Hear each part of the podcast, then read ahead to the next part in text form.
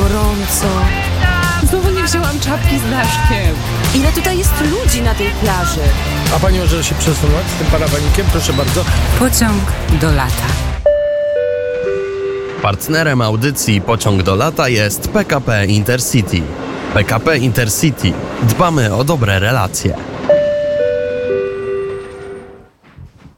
Letnie popołudnie w Radiu Wnet pora zacząć. Nasz pociąg zrobił przystanek na jeden dzień w Dębicy, skąd 23 sierpnia witamy się z Państwem. Małgorzata Kleszcz. Hania Tracz. Konrad Mędrzecki. A jesteśmy dokładnie w hotelu w willi Wiluszówka, która wybudowana została w roku 1900.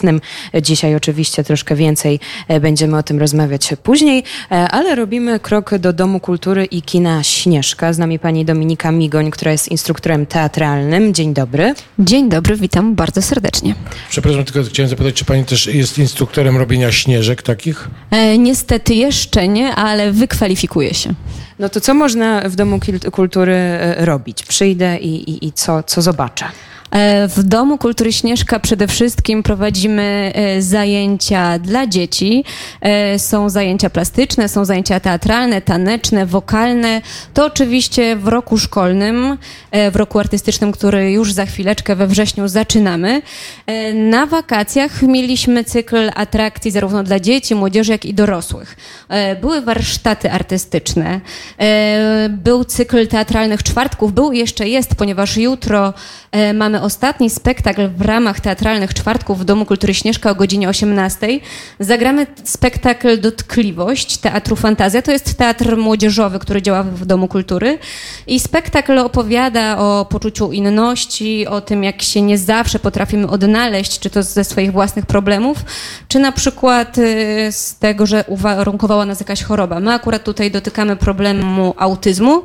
E, I chcemy właśnie poprzez scenę poruszać bardzo ważne problemy. W ubiegłym tygodniu w ramach teatralnych czwartków mieliśmy monodram w wykonaniu Wiktorii Skowron, który mówił o problemu alkoholizmu w rodzinie. Po spektaklu odbyła się e, rozmowa z publicznością i z zaproszonym gościem, który opowiedział o tym, jak on wyszedł z choroby. Staramy się, żeby te teatralne czwartki może nie tyle miały formę edukacyjną, co formę taką otwartej rozmowy i o tym, żebyśmy nie tylko pozostawiali publiczność po zagranym spektaklu samym sobie, ale żeby e, jednak była e, ta przestrzeń do dyskusji, co jest dla nas bardzo ważne. A kto napisał tą dotkliwość? E, scenariusze grup działających w Domu Kultury piszę ja. E, w związku z tym, że jestem instruktorem teatralnym. E, my często bazujemy na przeróżnych książkach, na e, pracy dramowej, na improwizacji i to wszystko składa się na scenariusz. Staramy się, żeby te spektakle nie były za długie, żeby one po pierwsze e, były, że tak powiem, dość kolokwialne, znośne dla naszej publiczności, czyli głównie młodzieży, ponieważ to głównie jakby e, akurat ten spektakl dedykowany jest młodzieży, ale też często staramy się wyjeżdżać na jakieś festiwale teatralne, ważne wydarzenia, żeby konfrontować się również z młodzieżą działającą w innych miastach, więc jednak staramy się, aby te spektakle były takie zwarte. E, bazujemy też na teatrze formy, co jest e, ważne dla mnie, ponieważ ja jestem zwolennikiem teatru formy. E, I staram się, żeby młodzież też tę teatralną formę pokochała, żeby trochę i szukać nowych form wyrażania w teatrze, żeby teatr to było takie laboratorium. No ale, ale ta forma, e, nowa forma to co to jest? No bo jest teatr, tak? I są określone postacie, mają określone kwestie, jest to określona historia, czasem z puentą, czasem bez puenty, są dramaty, są komedie. Jak, czy pani się odnajduje w tym, a jaka nowa forma, to co to znaczy? Czy wszystko jest do góry nogami, czy jak to ma, ma wyglądać? Absolutnie nic nie jest do góry nogami. E, w naszych spektaklach bardzo często mamy bohatera zbiorowego.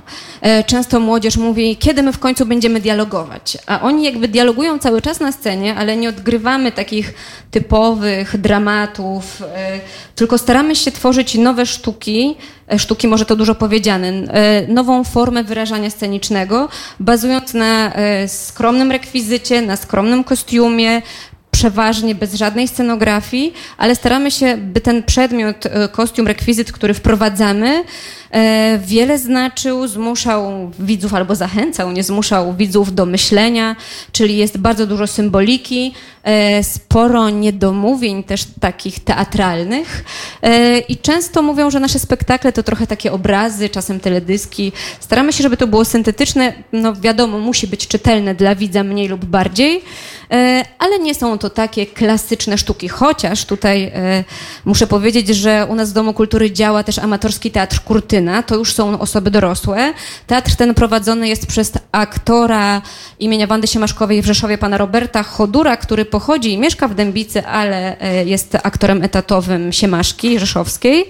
E, I ta grupa działa jak Pan Bóg przykazał, grają e, sztuki tradycyjne, przeważnie są to komedie, chociaż są też oczywiście odstępstwa, ale ostatnio na przykład była premiera Orzenku.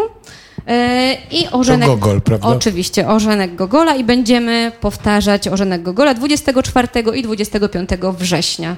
To nasi zawodowi amatorzy. A zawodowi przychodzą do was na wasze spektakle i coś mówią na przykład? Y, E, To ciekawe jest. O, oczywiście przychodzą zawodowi aktorzy zaproszeni przez swojego kolegę, który e, jest aktorem, ale dla nas jest reżyserem. E, Do nas chwalą, a co mówią reżyserowi, to już myślę, że pozostanie dla nas tajemnicą. W jakim wieku to są dzieci czy młodzież, która w tym teatrze w Domu Kultury może przyjść i u pani występować? E, Ja prowadzę zajęcia dla dzieci już od piątego roku życia.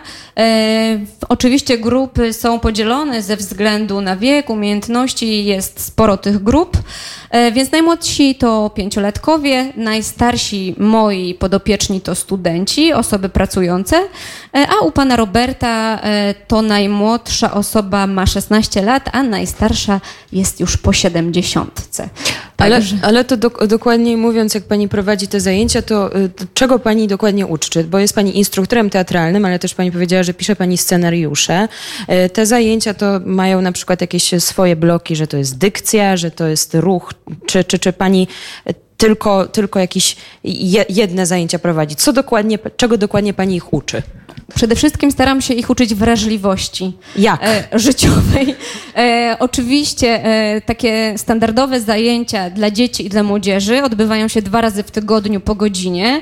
E, starsi oczywiście mają troszkę dłużej. Ale czym e, są standardowe zajęcia? Standardowe, czyli e, w Domu Kultury funkcjonują dziecięcy teatr Mini Mini Fantazja, Mini Fantazja, Fantazja, Młodzieżowy Teatr Małych Form Ferment, grupa artystyczna SAFO, e, grupa TELAP i to są jakby moje grupy. I, on, I to są takie standardowe zajęcia, które odbywają się regularnie, prawda? Bo jeśli na przykład mamy premierę, to jesteśmy w stanie spotykać się nawet codziennie i wtedy e, po 3, 4, 5 godzin. Ale standardowe zajęcia odbywają się dwa razy w tygodniu po godzinie. Zawsze rozpoczynamy rozgrzewką ciała, później przechodzimy do rozgrzewki aparatu mowy, ćwiczymy sobie dykcję i później w zależności od tego, czy e, premiera się zbliża i już czujemy jej oddech na plecach, wtedy robimy próbę spektaklu i pracujemy nad scenami. E, jeśli zaczynamy pracę nad spektaklem, zaczynamy od rozmów, od ćwiczeń improwizacyjnych, od ćwiczeń, które pozwolą nam wprowadzić się w temat spektaklu. E, staramy się, żeby to był proces zawsze, żeby młodzież czy dzieciaki e, miały wpływ na to, co będą grać. I ja mówię, że to jest bardzo odpowiedzialne zadanie instruktora teatralnego, ponieważ dzieciaki, osoby przychodzące na zajęcia bardzo nam ufają e, i mnie zależy na to, żeby ktoś, kto wychodzi na scenę i jest z mojej grupy, żeby się nie wstydził, że na niej stoi, prawda? To jest dla mnie bardzo ważne, żeby oni grali coś ważnego, coś fajnego, zaprezentowali się dobrze, dobrze się czuli na scenie. E, To jest dom kultury. Tutaj przychodzą dzieci, które chcą. Nie zawsze na równym poziomie umiejętności i warsztatu.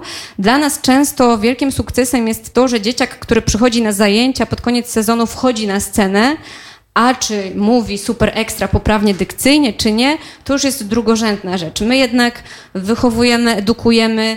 E, jedni ten proces warsztatowy, teatralny przechodzą szybciej, inni potrzebują więcej czasu.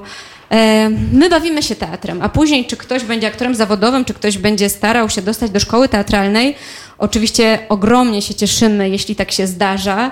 E, W tym roku nasza jedna absolwentka otrzymała indeks szkoły teatralnej, z czego jesteśmy olbrzymie dumni. Ale są takie dzieciaki, są takie osoby, które stają się po prostu bardziej otwarte po takich zajęciach, które zdobywają jakąś taką odwagę życiową i to też jest ekstra. Że moim zdaniem głównie to o to chodzi. No ja jestem, że tak powiem, nie taki merkantylnie nastawiony, że to od razu trzeba e, dostać 17,5 Oscara i jeszcze e, Grammy i jeszcze Puchar w Wenecji e, e, Pu- Polski. nie, bo cudowna, cudowna sytuacja. E, i tworzycie taką rodzinę. Widzę, po prostu ja już tu widzę, że ta, ta rodzina. Ja bym do grupy Safo się napisał. Napisałem chęty, bo to taka poetka. I to jest bardzo ciekawe z tą grupą SAFO. Przepraszam, że tak przeszkodziłem, bo grupa SAFO to jest grupa, która e, uświetnia uroczystości e, miejskie, patriotyczne, religijne. Będziemy w niedzielę uczestniczyć w rekonstrukcji historycznej. To jest taka e, grupa teatralno-wokalna. Nawet w tym miejscu mieliśmy przyjemność nagrywać świąteczny teledysk e, razem, razem z władzami miasta i śpiewaliśmy wspólnie e, piosenkę i tam e, powstawały jakieś takie świąteczne obrazki. E, I, I ta grupa ma właśnie jako jedyna taką inną misję, prawda? Czyli gdzieś ta poezja bardziej dlatego właśnie patronka e, Safona nad nami czuwa. E, a na przykład Telab to już jest grupa studentów i tu rzeczywiście ta przyjaźń jest bardzo mocna, ponieważ są to osoby dorosłe. Z osobami dorosłymi możemy sobie pozwolić też na zupełnie inny temat. Teraz pracujemy nad spektaklem dotyczącej jakby akceptacji swojego ciała, dotyczącej edukacji seksualnej. Są to bardzo trudne tematy, e, szczególnie do pokazania w naszym środowisku, e, ale staramy się, żeby ten teatr nie był tylko tworzony dla przyjemności, bo ogrom takich teatrów jest. Przyjeżdżają znani telewizyjni aktorzy, przedstawiają komedię. My jesteśmy e, do tego stworzeni, żeby to było coś, coś takiego, co gdzieś tam nam wywierci dziurę w brzuchu. Czasem lubimy wsadzić kij w mrowisko. E, I dlatego też właśnie każda ta grupa, w zależności od wieku, trochę ma inną misję. Ale chciałbym się zapytać, bo to jest taka kwestia właśnie, bo to są pewne tematy, które są od tysięcy lat. I u Sofoklesa, i u Euripidesa, i u Szekspira, i u Moliera, etc., etc. I wszyscy rozkminiali te tematy, że tak powiem, też relacji, że tak powiem, e, e, między damsko-męskich i tak dalej, i tak dalej. I czasami mi się wydaje, no, Mickiewicz, Słowacki, no, już, no, no, no, można wymieniać. Wszyscy do tego tematu się zbliżali i, i roz, rozmawiali, a państwo próbują to na nowo robić jakoś, czy, czy, czy, czy to nie jest taka pycha za bardzo, że państwo lepiej to powiedzą niż Sofokles, albo na przykład Szekspir, albo Mickiewicz? Absolutnie. Myślę, że e, nie jest to pycha, a raczej skromność, że nie do końca jesteśmy w stanie po tego Sofoklesa jeszcze sięgać. Jeśli chodzi o Mickiewicza, to Mickiewicza akurat z Mickiewiczem jesteśmy bardzo zaprzyjaźnieni, ponieważ w ubiegłym roku e, na Narodowe Czytanie mieliśmy propozycję ballad i romansów Adama Mickiewicza. Dlatego też powstały dwa fantastyczne projekty. Po pierwsze grupa artystyczna Safo, o której już była mowa, przygotowała takie czytanie e, dla młodzieży, dla uczniów szkół ponadpodstawowych. Chcieliśmy jakoś, e, jakoś sprawić, żeby młodzież pokochała tego Mickiewicza, może to za dużo powiedziane, ale żeby go chociaż trochę polubiła i żeby go odczarować. A my, instruktorzy, e, stworzyliśmy taki projekt koncertu, na granicy koncertu a teatru, e, ponieważ nad grupą artystyczną Safo e, poza mną jeszcze, e, jeszcze grupą zajmuje się pani Magda Białorucka-Ogorzelec, która jest wokalistką i pan Piotr Madura, który jest pianistą. I razem w trójkę prowadzimy te zajęcia.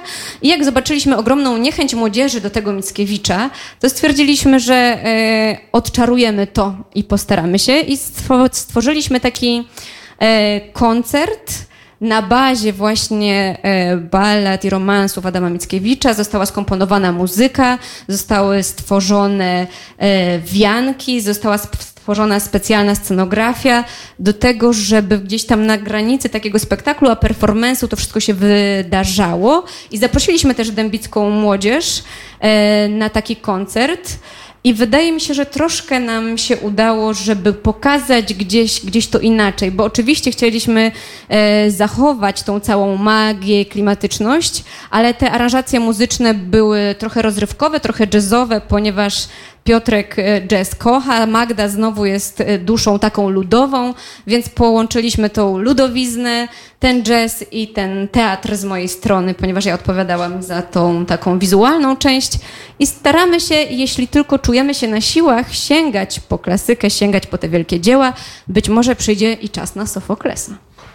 A ja mam jeszcze pytanie. Chciałabym wrócić e, do e, tego scenariusza, który pani tworzyła, e, do tej dotkliwości, tak, dotykającej problemu autyzmu. Takie dwa pytania właściwie. Po pierwsze, jak to zostało odebrane, a po drugie, w sensie jaki był odbiór widzów, a po drugie, trochę co panią zainspirowało i czy, jakimi, czy dziełami, czy, czy osobami, czy relacjami pani też się inspirowała, czy czerpała z nich no, no, no jakąś myśl, no bo to jest duży problem i chyba nadal w dalszym ciągu jest coś takiego, że my często nie do końca wiemy, że tak powiem w cudzysłowie, jak się obchodzić z osobami, które cierpią e, na autyzm i też nie do końca chyba dzisiaj też wiemy, czym jest ta choroba. Więc moje pytanie jest takie, po pierwsze, może też co Panią zainspirowało do tego, żeby stworzyć e, taki scenariusz, a po drugie, e, czym się Pani posiłkowała, żeby go pisać? Mhm. E, ja mam ogromne szczęście, że pracuję z bardzo taką wrażliwą młodzieżą, bo ten spektakl stworzyły osoby chodzące do szóstej, siódmej i ósmej klasy szkoły podstawowej i pierwsza liceum, to jest. I oni chcieli zrobić jakiś ważny spektakl, bo my zawsze na początku sezonu rozmawiamy, co byśmy chcieli zrobić. I oni powiedzieli, że chcą zrobić jakiś spektakl o emocjach, ale wiadomo, emocje to jest jakby dużo, dużo, dużo powiedziane, jest to olbrzymi wór, z którego można sobie coś wybrać. E, na zajęcia przyniosłam im książkę O tym można rozmawiać tylko z królikami. To jest przepiękny picture book, który polecam olbrzymie, bo jest inspirujący nie tylko jeśli chodzi o treść, ale i o warstwę wizualną. E, przeczytaliśmy sobie to. Przeczytaliśmy sobie później książkę Iskry w mojej głowie. To jest kolejna bardzo fajna propozycja dla młodzieży. Właśnie o dziewczynce, która jest autystyczna, chodzi do szkoły podstawowej i spotyka się z takim e, niezrozumieniem ze strony uczniów, ale o dziwo też nauczycieli, prawda? E, że cały czas gdzieś jest krytykowana ze swoje zachowanie, za swoją wyrywność i ma siostrę starszą, która jakby też jest autystyczna, ale jakby już dobrze funkcjonująca i ona ją bardzo wspiera i opowiada jej o tym e, i, i radzi jej, jak, jak, dobrze funkcjonować. Młodzież bardzo się zainteresowała tym tematem. Bardzo dużo wspólnie czytaliśmy, szukaliśmy, e, sięgaliśmy po różne książki, filmy, filmiki na YouTubie nawet o tym, jak autystycy opowiadają, dorośli autystycy o tym, jak wyglądała ich przygoda ze szkołą i tworzyli tworzyliśmy sceny. E, tworzyliśmy i sceny, e, w których dominuje pantomima. Dużo też pracujemy z samą muzyką e, i gdzieś wspólnie, bo to jest właściwie ważne, że jak już się pracuje z młodzieżą, to żeby gdzieś to też wychodziło od młodzieży. I wspólnie z scenami zaczęliśmy układać ten spektakl. Takim ważnym elementem też, który pojawia się w tym spektaklu są maski teatralne, które wspólnie stworzyliśmy. Na feriach zimowych zaprosiliśmy pana Mariusza Habę. Jest to e, pracownik Teatru Maska, który tam właśnie tworzy e, e, Teatru Maska w Rzeszowie. On tam tworzy właśnie i maski, i scenografię. E, I razem z młodzieżą e, stworzyliśmy wspólnie maski do tego spektaklu. Właśnie te takie maski, chcieliśmy, żeby one były mocno symboliczne, proste i czyste, żeby one też właśnie pokazywały te takie maski, które nakładają na siebie osoby autystyczne, znaczy nakładają, które gdzieś tam są jakąś tam blokadą, prawda? E, więc też e, ważne bardzo dla nas było, żeby to było wspólne dzieło i żeby to był proces twórczy e, i przy tym bardzo dużo rozmawialiśmy. Te warsztaty plastyczne, w związku z tym, że były bardzo czasochłonne i pracochłonne, stworzyły nam przestrzeń do rozmów, do dyskusji, do do stworzenia jakiejś tam spójnej całości. To niesamowite z tymi maskami, tylko że wtrącę, bo, bo maski no to właśnie atrybut greckiego, starożytnego teatru, więc wracacie tutaj do absolutnych źródeł teatru. Tak jest. I one też tak wyglądają, bo są zrobione przez młodzież, więc nie są, e, że tak powiem, gładkie, piękne, idealne, ale no, są czyste, proste i trochę też takie ułomne po prostu. Mówiące wiele. Tak. Skąd u pani takie, bo pani bardzo pięknie, aż się trochę wzruszyłam i e, z takim zaangażowaniem mówi o tej pracy z dziećmi, z młodzieżą. E, e, skąd taki pomysł się u pani wziął w głowie, że pani tutaj właśnie w Domu Kultury Śnieżka chce z tą młodzieżą pracować, chce jej teatr przybliżać? No właśnie. E, ja sama zostałam przeprowadzona w drugiej klasie szkoły podstawowej do Domu Kultury Śnieżka na zajęcia recytatorskie. To była nasza tra tradycja rodzinna. E, w Dębicy mm, była i prowadziła zajęcia recytatorskie wspaniała osoba, bardzo ważna w środowisku recytatorskim w całej Polsce, pani Urszula Rojek. Niestety już jej nie ma z nami, e, ale pani Urszula Rojek wychowała, bo właśnie wychowała rzeszę wspaniałych ludzi, ale też e, i artystów, bo i Mariusz Kilian e, uczęszczał na zajęcia do pani Uli i Anna Augustynowicz, e, reżyserka teatralna i właśnie pan Robert Chodur, który prowadzi zajęcia kurtyny. Także dla mnie też niesamowite jest to, że dostałam szansę pracy w miejscu, w którym się wychowałam. E, bo w tej samej sali, do której ja uczęszczałam na zajęcia recytatorskie, mogę teraz prowadzić zajęcia teatralne, ale gdzieś ta recytacja bardzo głęboko siedzi we mnie i dlatego też właśnie staramy się z grupą SAFO pracować na poezji, bo, e, bo na poezji głównie z grupą SAFO pracujemy.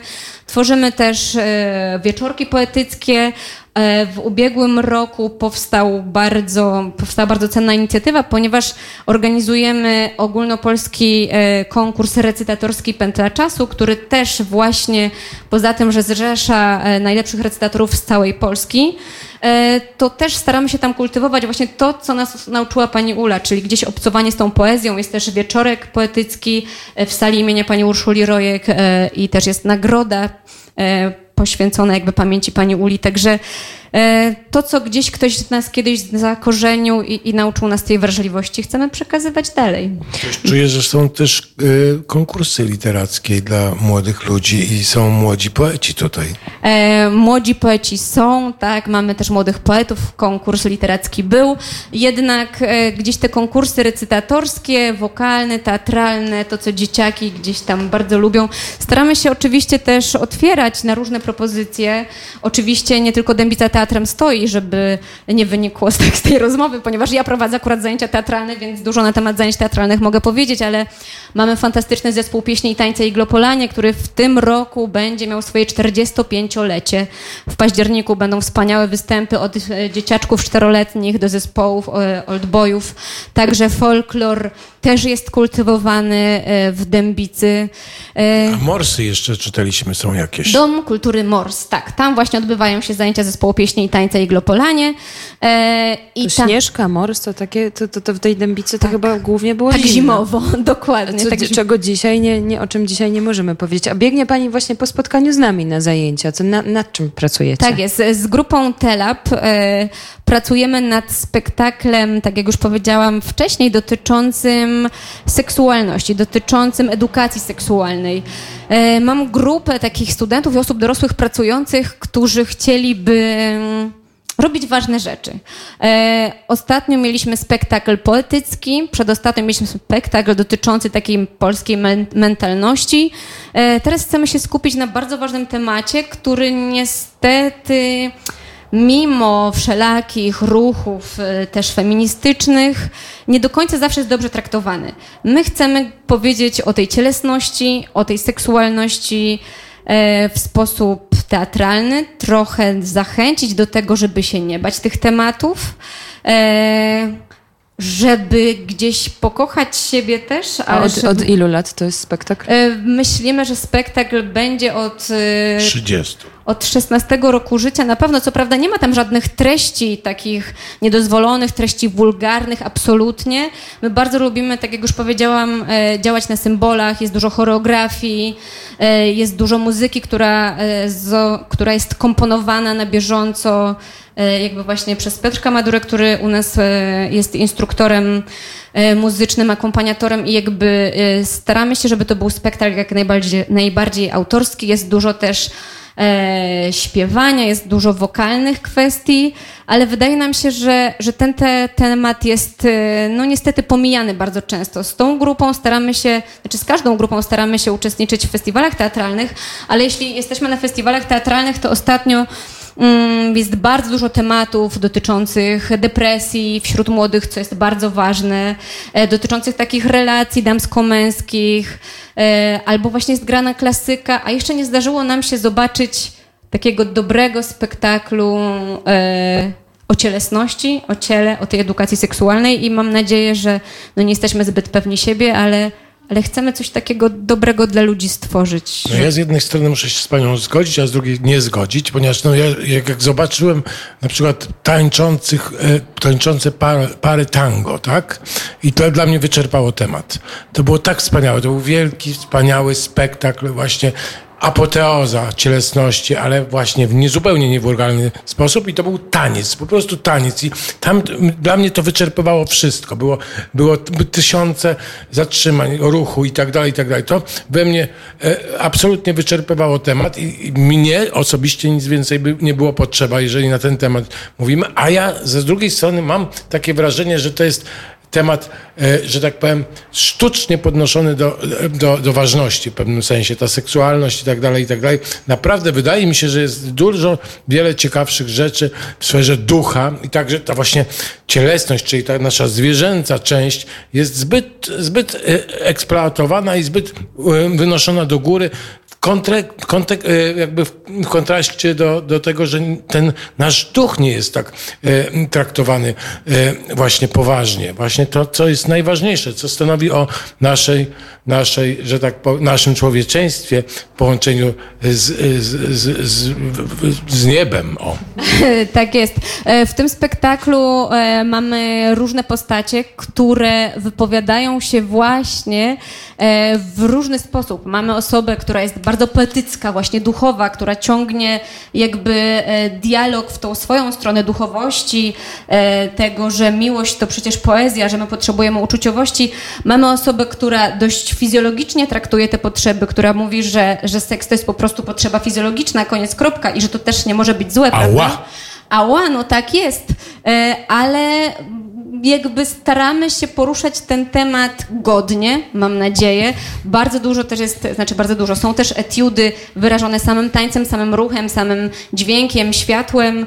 E, wydaje mi się, że tu nie chodzi o samą jakby cielesność, a właśnie chodzi o tą duchowość, bo jeśli nie żyjemy w zgodzie z cielesnością swoją, to ta nasza duchowość też szwankuje.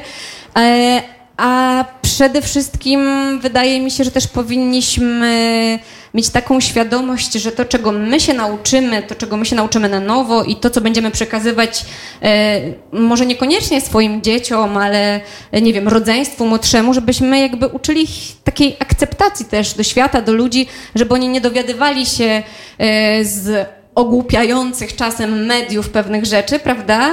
Mm, tylko właśnie, żebyśmy mieli swobodę mówienia o ważnych rzeczach. I wydaje mi się, że to jest najważniejsze, żeby ta swoboda e, w nas była. I jeszcze słowo na koniec o, o kinie, bo jest Dom Kultury i kino Śnieżka, ale to chyba jedyne w Dębicy, tak? E, tak jest. Na ten moment jest to jedyne kino w Dębicy. E, na wakacjach poza kinem e, takim, do którego można przyjść do sali, obejrzeć spektakl, o, obejrzeć spektakl, obejrzeć film, mamy też kino plenerowe. E, w każdy piątek na wakacjach proponowaliśmy seanse plenerowe, E, oczywiście na świeżym powietrzu, na leżaczkach, kocykach. W lipcu były to filmy dla dorosłych, ponieważ rozpoczynały się o godzinie 21 i były to filmy e, tematycznie dostosowane dla dorosłych. Teraz w sierpniu mamy seanse familijne, więc zapraszamy w ten piątek o godzinie 20.30.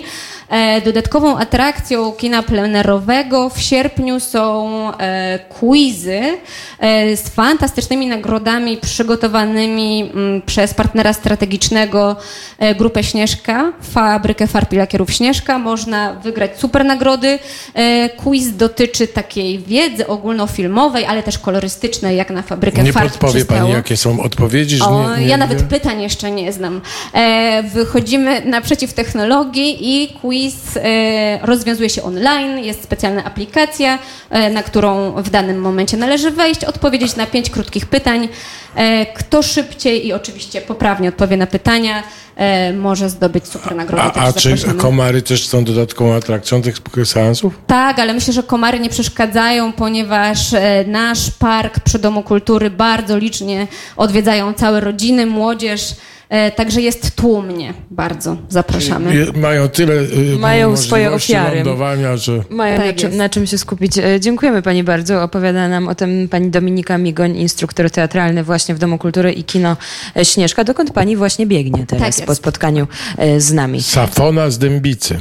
16. Będziemy czytać hymn do Apolina dzisiaj wieczorem. Tak? Tak. Czekamy na Szafą. relację. 17.06. Zaczynamy, drodzy Państwo, drugą godzinę letniego popołudnia w Radiu Wnet. Jesteśmy w Dębicy, w pięknej willi e, Wiluszówka, która jest hotelem także.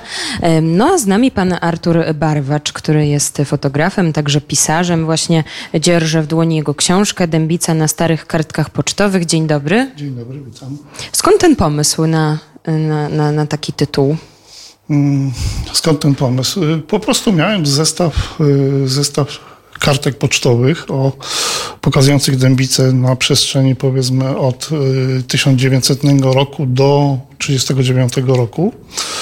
No i postanowiłem coś z tym zrobić, ponieważ, y, ponieważ mam takie hobby, że robię sobie albumy. Skąd miał pan Jak pan kartki? znalazł właśnie te kartki? Właśnie. Y, Kartki w różny sposób. Pierwsze kartki zdobyłem od, y, od takiego filatelisty, pana Bigusa świętej pamięci, który miał cztery kartki i y, znajomy powiedział, że jeśli uda mi się wypożyczyć te kartki do skanowania, to postawi mi piwo. Oczywiście śmiał się trochę ze mnie, bo nie wierzył w to, ale udało się. Udało się, pożyczyłem te cztery kartki i tak się zaczęło. A potem to już różnie. To pożyczałem od znajomych, y, część ściągałem z internetu. No w każdym razie taka kolekcja dosyć spora powstała. One były i zapisane, i niezapisane, podejrzewam, bo ja też pamiętam, że interesowałem się kartkami pocztowymi starymi. Kupowałem też w antykwariatach na ulicach czasami i one czasami jeszcze niosły dodatkową treść, bo były na przykład y, kartkami z XIX wieku i jeszcze były tam napisane jakieś wyznania piękne. Y, Tak, powiem szczerze, że panu Bigusowi yy, przedstawiłem sytuację w ten sposób, że bardzo interesuję się kartkami, ponieważ chciałbym je zbierać nie tylko ze względu na to, co przedstawiają, ale także ze względu na stemple, na opisy i tak dalej. Przyznaję, ciut skłamałem, bo tak naprawdę interesowała mnie tylko, y, tylko strona wizualna, czyli to, co przedstawiały kartki y, pocztowe i y, no i tak powolutku, powolutku, powolutku zbierałem. Yy, przyznam szczerze, że część tych kartek wykorzystałem, gdy wydawaliśmy z moim kolegą Bogdanem Piękosiem pierwszy album historyczny o Dębicy. To było w 2000 roku. Yy, tam kilka kartek weszło, a potem yy, była taka dłuższa przerwa. I w 2000 bodajże 10 roku, już się okazało, że zdjęć archiwalnych mam prawie 800, łącznie z kartkami, wydałem mm, w olbrzymim nakładzie, czyli dwie sztuki, album Demica na starej fotografii. Dlatego dwie sztuki, ponieważ jedna była dla mnie, jeden album był dla mnie, drugi był dla mojej mamy. To była forma terapii, ponieważ mama miała y, takie problemy troszeczkę depresyjne, mikroudary i chciałem, żeby y, jesienią miała sobie przy czym usiąść i powspominać dawne czasy. Zdążyliśmy się dowiedzieć od pana, że ma pan wiele miłości. Czy jedna z nich obejmuje miłość do tego miasta, do Dębicy? O, jest to bardzo trudna miłość, bardzo kolczasta, no ale jednak, ale jednak tak, tak. Bardzo, bardzo lubię. O, No, Kolczaste są najpiękniejsze. y, też tak sądzę, też tak sądzę i trzymam się tych kolczastych rękami i nogami. Robi, robi pan zdjęcia e, Dębicy. E, Może proszę powiedzieć, co najchętniej pan pofotografuje lub e, co najchętniej daje się fotografować? Czy są to ludzie, czy są to budynki, czy są to może zwierzęta e, w Dębicy? Tak, y, jeśli chodzi o tematykę, to najbardziej interesuje mnie przestrzeń, która nas otacza. Budynki, krajobrazy. y, Bardzo rzadko fotografuję ludzi, ponieważ no, jestem takim raczej człowiekiem mało komunikatywnym i, i, i stanowi to dla mnie kontakt, nawiązanie kontaktu z nieznajomymi stanowi dla mnie problem. Natomiast bardzo chętnie y, chodzę po Dębicy, fotografuję Dębicę, ale bardziej nie, nie dokumentalnie, tylko bardziej staram się znaleźć y, ładne miejsca, ładne światła, kompozycje, tego typu rzeczy. Ja się chciałam jeszcze do tych kartek, zanim o tej fotografii jeszcze porozmawiamy. Co, y, bo my Dębicy nie znamy. Jesteśmy w Dębicy od e, paru godzin. E, Co na tych kartkach jest? Jakie budynki, e, które są Pana zdaniem takie najbardziej zachwycające albo były, bo może części już nie ma. Tutaj oczywiście jest willa, w której się znajdujemy na jednej z kartek, ale takie na przykład jakby Pan miał powiedzieć o trzech budowlach tutaj w Dębicy się znajdujących, które może się znajdowały przed wojną, już może ich nie ma, a może właśnie jeszcze są i są jakąś tak architektonicznie zachwycające. Y, Wie pani, problem z Dębicą polega na tym, że zachwycających budynków jest naprawdę niewiele. Jeden z nich to jest właśnie willa Wilusza. Y, Natomiast zresztą miałbym bardzo poważny problem, żeby je wymieniać.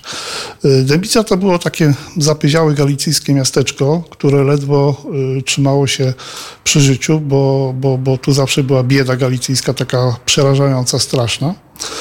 Y, Nie było zbyt dużo kapitału, więc, więc też architektury jakiejś wielkiej nie mamy tutaj. Oczywiście, y, gdy wjeżdża się do Dębicy, to można zobaczyć kościół świętej Jadwigi Małgorzaty.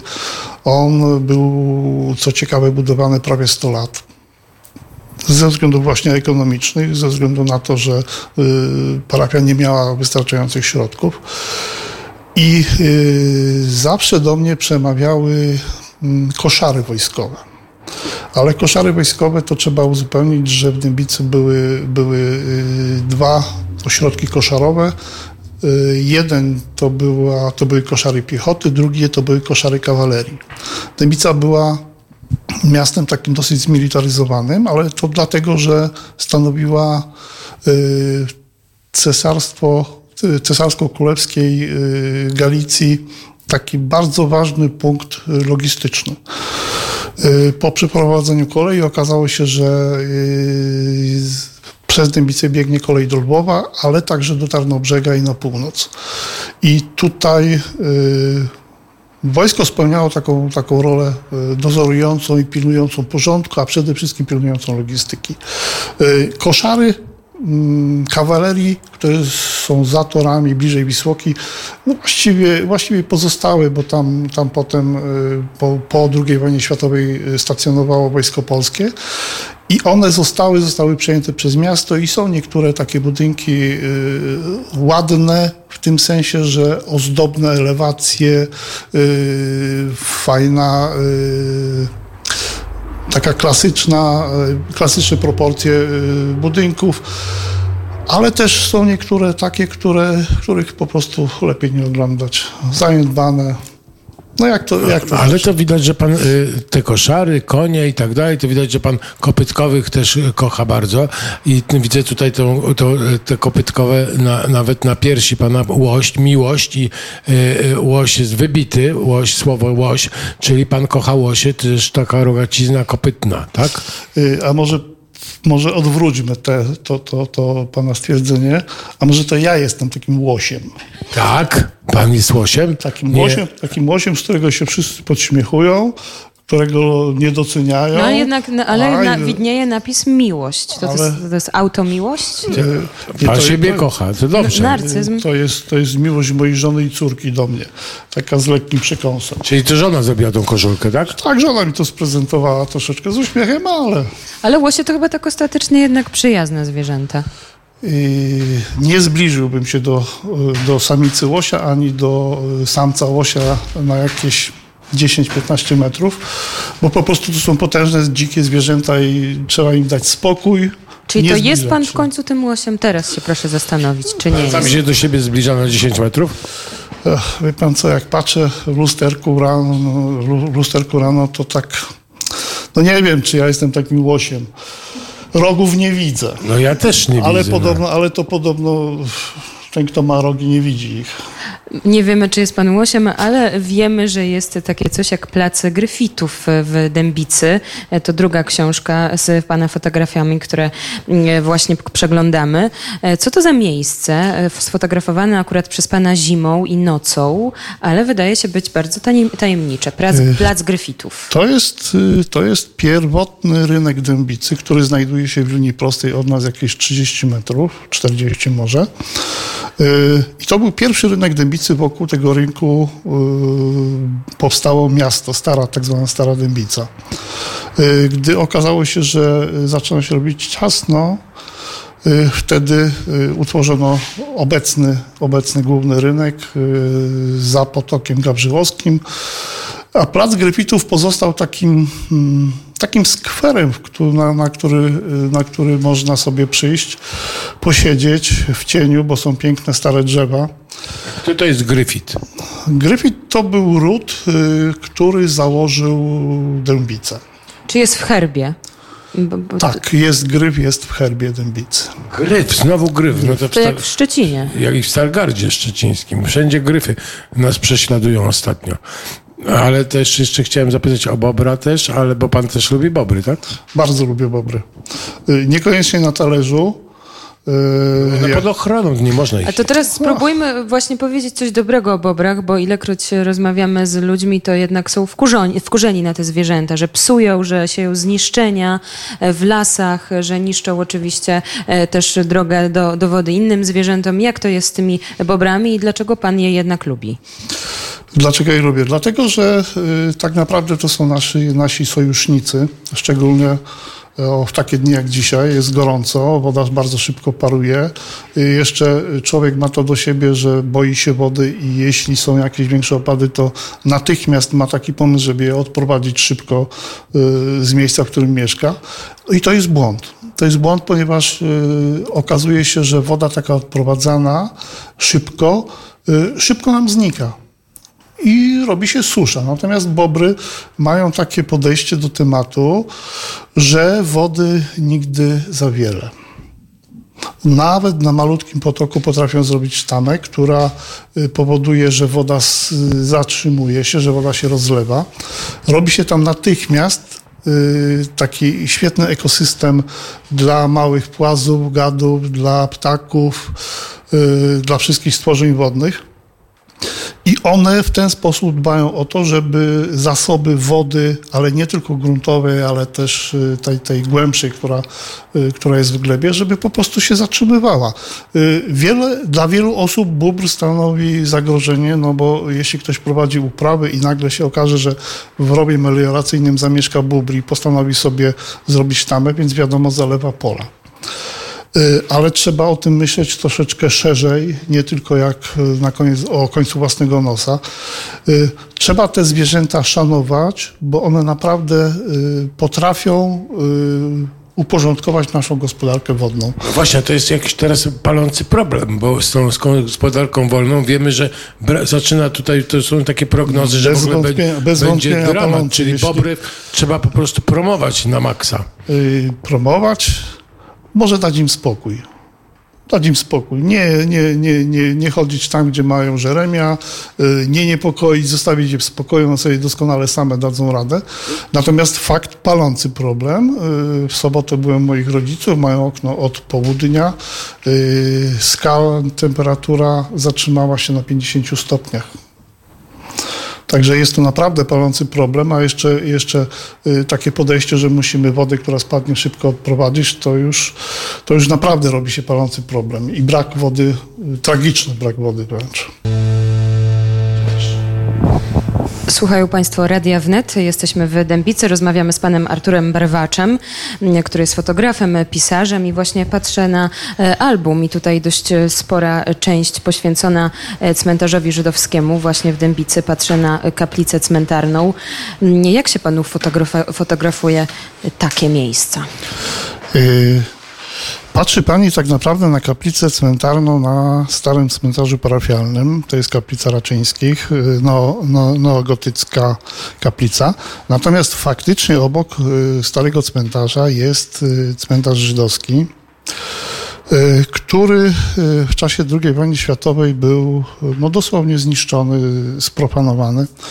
Macewy zostały zabrane z grobów, zostały wywiezione do, do, do centrum miasta. Nawet parę lat temu znaleźliśmy y, z Reniona Wielopolskiej macewę, która służyła do utwardzenia dróg. To była jedna, jedna z wielu. Potem te macewy po wojnie zebrano, wywieziono na, na, na miejsce tam, gdzie był y, Kirkut, czyli, czyli cmentarz żydowski. I przez wiele lat ten cmentarz żydowski służył jako boisko sportowe.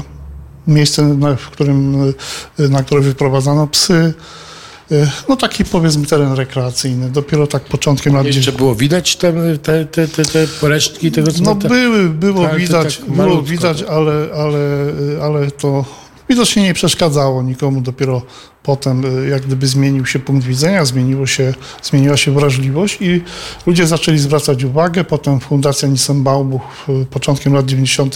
ogrodziła teren ozdobnym takim ogrodzeniem i od tego czasu y, troszeczkę się zmieniło.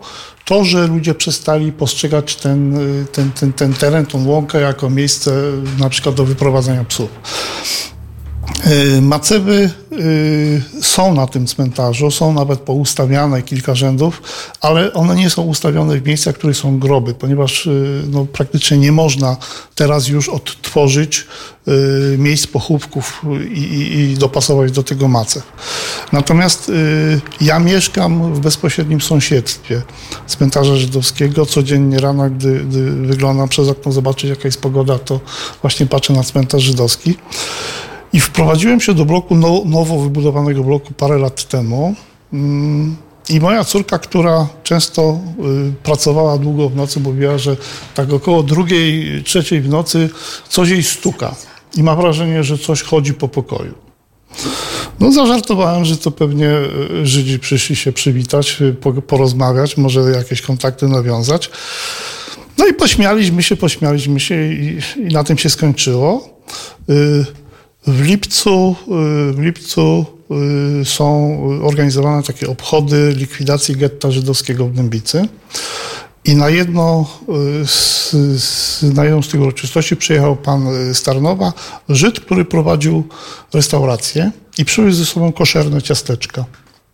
Upewniałem się dwa razy, czy są koszerne. Tak, koszerne ciasteczka. No więc przyznam szczerze, z, urodził mi się w głowie pewien pomysł.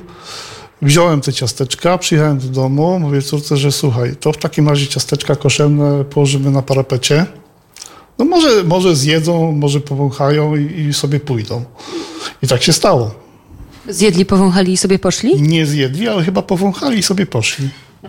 Od tego czasu, gdy, gdy te ciasteczka położyliśmy na parapecie, już więcej ją nie nachodzili. E, oczywiście ciasteczka bardzo smaczne były, bardzo A czy pan doświadczył tych y, jakichś zachowań, y, powiedzmy, paranormalnych? Nie, nie, ja, ja jestem raczej taki bardziej normalny, chodzący twardo po ziemi. Natomiast moja córka jest taka bardziej y, uczuciowa i ona, ona jest wyczulona na takie tematy i być może dlatego do niej przychodzili. Z nią się łatwiej było porozumieć pewnie. Czyli radarki pana Łosia nie działają tak na, na, na tę metafizykę tak bardzo. Nie. A mówiła dokładnie, co słyszała? Czy skrzypienie podłogi, czy zamykanie, otwieranie szuflady? Tak właśnie, takie stukanie, y, takie odnosiła wrażenie, że ktoś za nią stoi, na przykład patrzy, co robi.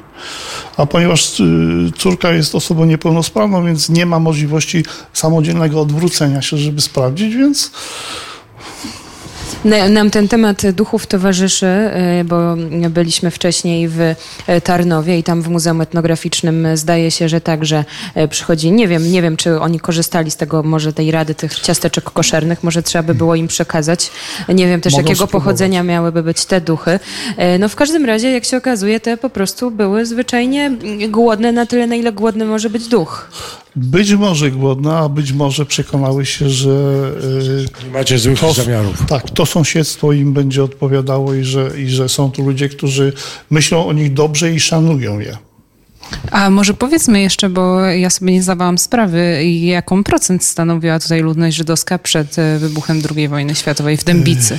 Nie można też y, uogólniać tak na wprost, że przed wybuchem wojny, II wojny światowej w Dębicy było tyle i tyle procent mniejszości żydowskiej, bo w latach dwudziestych na pewno było tu dużo, pewnie 60-70%. To jeszcze zależy od sposobu liczenia.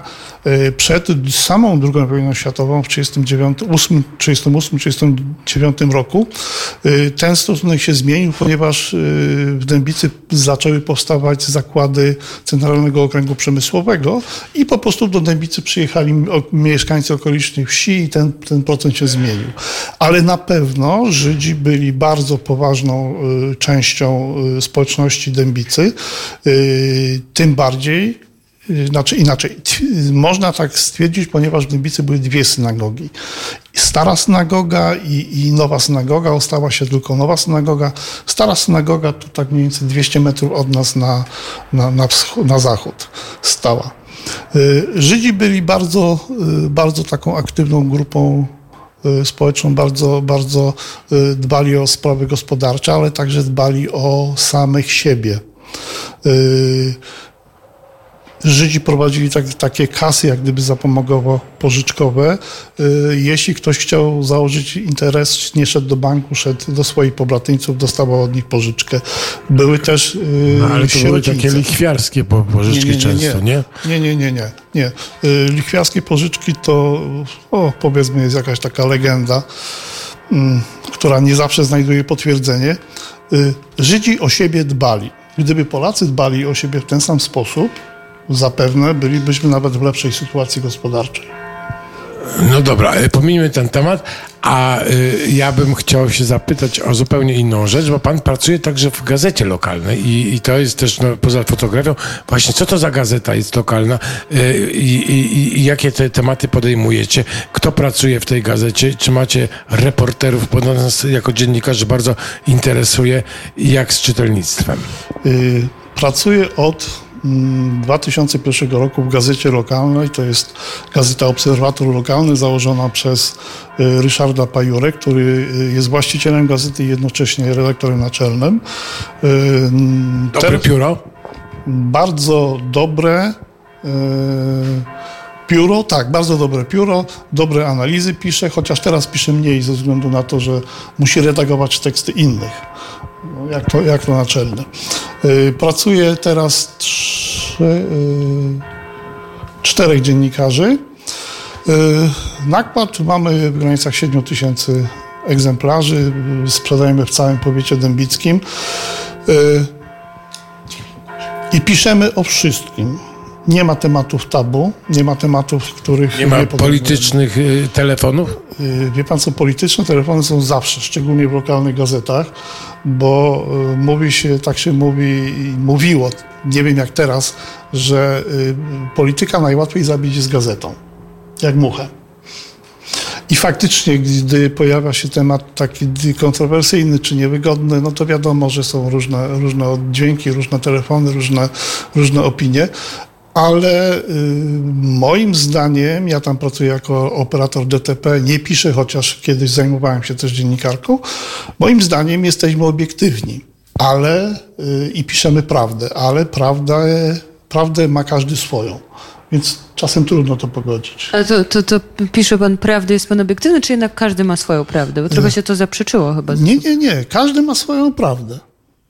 Jeśli my, Pan ma swoją, e, ale to nie znaczy, że ona jest prawdą. To znaczy, że z mojego punktu widzenia jest prawdą. Natomiast jeśli ktoś popatrzy na to ze swojego punktu widzenia, może się okazać, że to nie jest prawdą dla niego.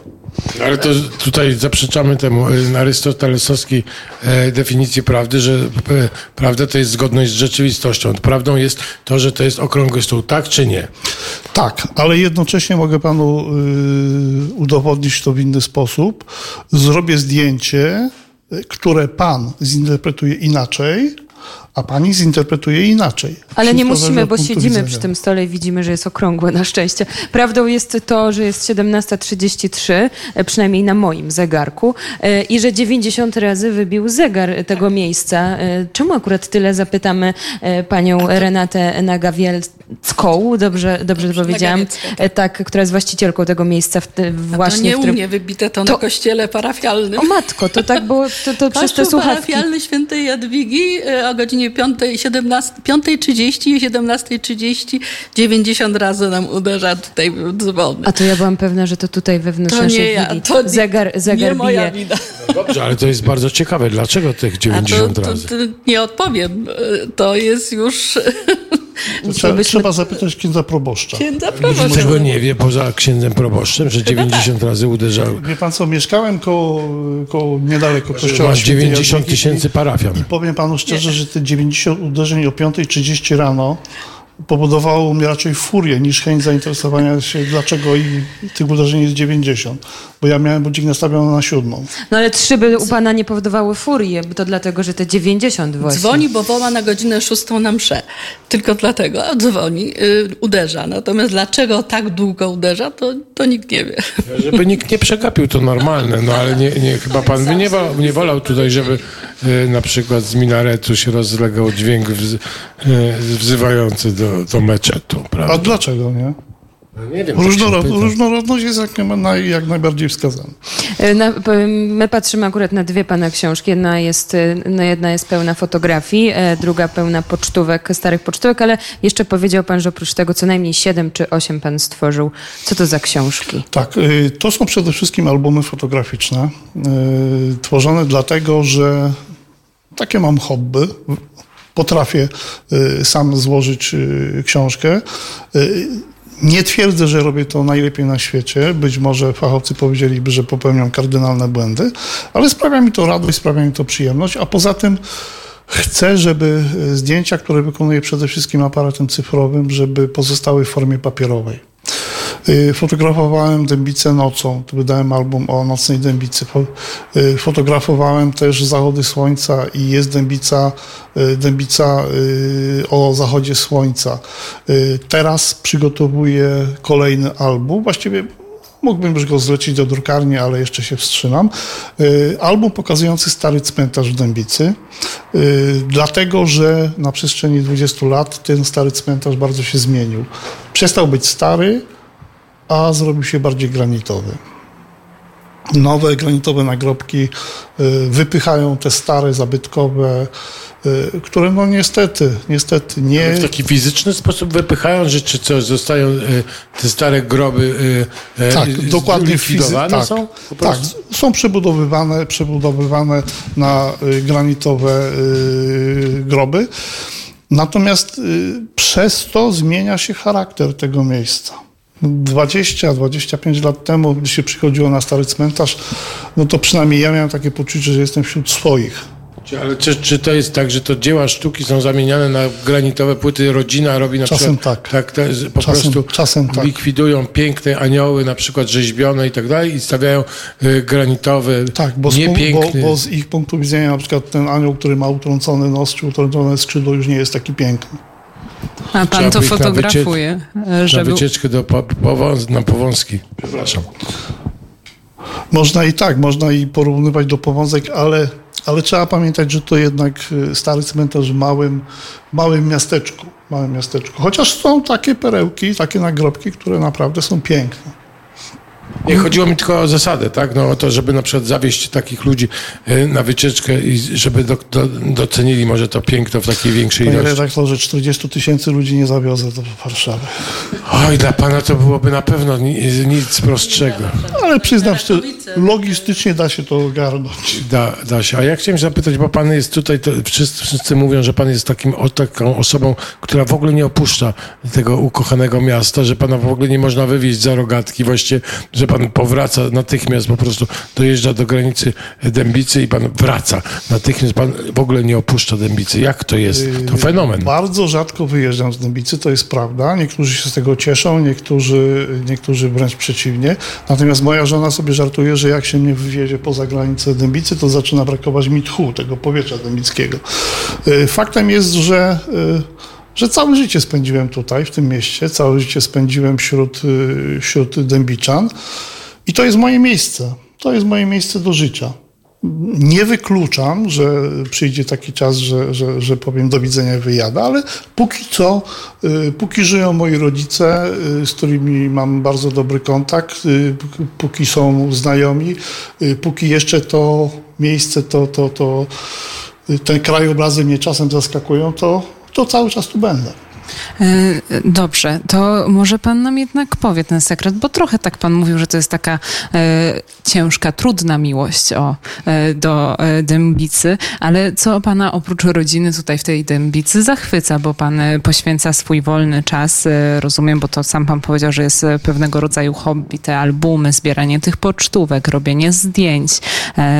Co jest takiego pięknego tu w tym mieście, albo może to jest kwestia jakiejś, nie wiem, no, duszy tego miasta? Hmm, zadała Pani bardzo trudne pytanie, chociaż właściwie, właściwie to można by, można by odpowiedzieć. Y, Czasem jest tak, że brzydota jest piękna. Turpizm. No, może, można to nazwać w ten sposób. Ja uważam, że dębica mm, jako tkanka miejska, jako, jako yy, powiedzmy architektura, urbanistyka w tym względzie jest fatalna. Natomiast, yy, natomiast pewnie z czystej przekory yy, fotografując dębicę starałem się pokazać, że ona może być piękna też. Yy, szukając odpowiedniego światła, odpowiedniej barwy kadru, można pokazać, że dębica, że każde właściwie miejsce może być atrakcyjne. Nie wiem, czy to mi się udało, chociaż, chociaż przyznam szczerze, yy, początek, znaczy zamierzenie yy, druku tego albumu to było pięć sztuk. Ostatecznie skończyło się na 15, czyli parę osób jednak yy, po, potwierdziło, że, że, to, że to ten album jest ładny i pokazuje ładną dębicę. Yy, A dlaczego tu tak, tak, tak bardzo się trzymam tego miejsca? Nie wiem. Nie wiem. Po prostu dobrze mi się tu żyje. Do pracy mam blisko. Może opony trzymają dębicę. Ech, Nie, opony nie. Chociaż miałem też epizod pracy w Stomilu. Ale a propos, to ostatnio, kilka dni temu, wielki pożar, tak? W fabryce opon. Ja bym, ja bym y, oszczędzał y, takie, y, na takich przymiotnikach wielki, powiedzmy pożar. Tam, tam był znak zapytania pożar, na końcu. Głośno było o Tak, nim. głośno było, ponieważ y, to był jeden z większych, albo chyba największy pożar w historii firmy. Natomiast nie jest to taki pożar, który spowoduje, że firma przestanie istnieć. Firma jest, jest y, potężnym y, organizmem gospodarczym i jak znam życie, już teraz produkcja idzie y, pełną parą na tyle, na ile jest to możliwe. Był groźny, ale dzięki temu, że i pracownicy, którzy są, są przeszkoleni, jeśli chodzi o PPO, ja też byłem przeszkolony kilkakrotnie, gdy tam pracowałem, no i Straż Pożarna, która, y, która ma siedzibę blisko firmy, spowodowała, że no, szkód może takich ogromnych nie było, chociaż wyglądało to bardzo spektakularnie. A, a co to spowodowało? Też co się mówi, może co mieszkańcy Dębicy mówią między sobą, jakie są głosy? Mieszkańcy Dębicy mówią różne rzeczy. Od teorii spiskowych po zdroworozsądkowe podejście. Według mojej wiedzy y, zapaliła się jedna prasa y, do produkcji opon. No i potem niestety prawem serii poszło dalej. Zanim opanowano pożar, no zniszczo, zniszczonych zostało kilkanaście chyba pras. A, ale to tak nie, nie wyglądało, jak to niektóre, że tak powiem, e, środki masowego przekazu przekazywały, że tutaj były kłęby dymu czarnego nad całą dębicą. Były kłęby dymu, zgadza się, ale to nie ma się co dziwić. Wystarczy sobie y, pojechać kiedyś na akcję strażaków, gdy, palą mały, gdy pali się mały domek. To kłęby dymu są ogromne, więc proszę sobie wyobrazić, w zakładzie produkcyjnym też będą. Nie, nie stanowiło to chyba jakiegoś Ale zagrożenia, okienka czyste tutaj widzę, to umyte już, tak? Bo wiatr wiał w drugą stronę. E, Czyli to jest tak z tego, co pan nam opowiedział przez te ostatnie ponad chyba pół godziny, że to piękno jest jednak w oczach patrzącego i to piękno dębnicy jest chyba jednak w pana Artura Barwacza oczach. Y, Chciałbym, żeby ludzie, którzy oglądają moje albumy, moje zdjęcia w ten sposób właśnie myśleli. E, My tak chyba od dziś będziemy o Dębicy myśleć i zachęcamy państwa, żeby tu przyjechać i te albumy, e, jak uda się państwu gdzieś zdobyć, e, przeglądnąć i serdecznie dziękujemy e, za rozmowę pan Artur Barwacz. Dziękuję bardzo. Tak, teraz e, ostatnie 15 minut oddajemy Mikołajowi Murkocińskiemu i Magdalenie Łuchaniuk. To pora na rozmówki polsko-węgierskie, ale po 18 już wracamy do Dębicy. A my wracamy do Dębicy, skąd dzisiaj prowadzimy dla Państwa letnie popołudnie. I tutaj także, w tym mieście, 23 listopada 1933 roku e, przyszedł na świat wybitny polski dyrygent i kompozytor, profesor Krzysztof Penderecki. I bywał także w miejscu, w którym my dzisiaj jesteśmy. E, Chodzi o willę Wiluszówka. To przepiękne wnętrza, przepiękne e, meble, a z nami jest pani Renata Nagawiecka, właścicielka tego miejsca. Dzień dobry ponownie. Witam, witam ponownie, Czy, dzień czy dobry. Krzysztof Penderecki siedział na tym krześle, na którym ja siedzę? Możliwe, że na tym, możliwe, że obok. Zdarzało się. No a może z, z, zanim, zanim trochę więcej o nim, to może powiedzmy o, e, o tej willi w 1900 roku zostałaby wybudowana i co się działo z nią później. Została wybudowana w 1900 roku przez y, Kazimierza Wilusza, notariusza cesarsko-królewskiego, który y, tutaj po prostu osiadł i y, prowadził notariat dla y, Franciszka Józefa, prowadził sprawy ziemiańskie. Był równocześnie bardzo dużym przedsiębiorcą, zwolennikiem e, rozwoju. E, między innymi miał udziały w kopalni ropy naftowej i, e, i razem z Łukasiewiczem poszukiwali tam ropy. Ufundował wiele miejsc w Dębicy. No niestety zmarł mu się w 1919 roku, zostawiając to miejsce w swojej rodzinie, które następnie przeszło w ręce prywatne do bogatej rodziny żydowskiej, która tutaj żyła do wojny, cukerów. Cuker był jednym z ważniejszych, jedną z ważniejszych postaci e, w swoim środowisku. E, do wojny wręcz przewoził, tej, przewodził swojej gminie, nie religijnej, tylko gminie tak jak e, była świeckiej jakby tej. W każdym razie organizowali tą pomoc dla Żydów, o której przedtem Artur wspominał. Y, no, w każdym razie zajmowali się dość mocno tą swoją społecznością. No, wojna zmieniła oblicze y, miasta i tych rodzin również, dlatego że y, oni tutaj mieszkali przez ponad 20 lat z rodziną, pięciorgiem dzieci, ale nie przetrwali sami. Przetrwały tylko córki, które się uratowały z getta, dwie i dzięki temu potem mogły wrócić zresztą tutaj.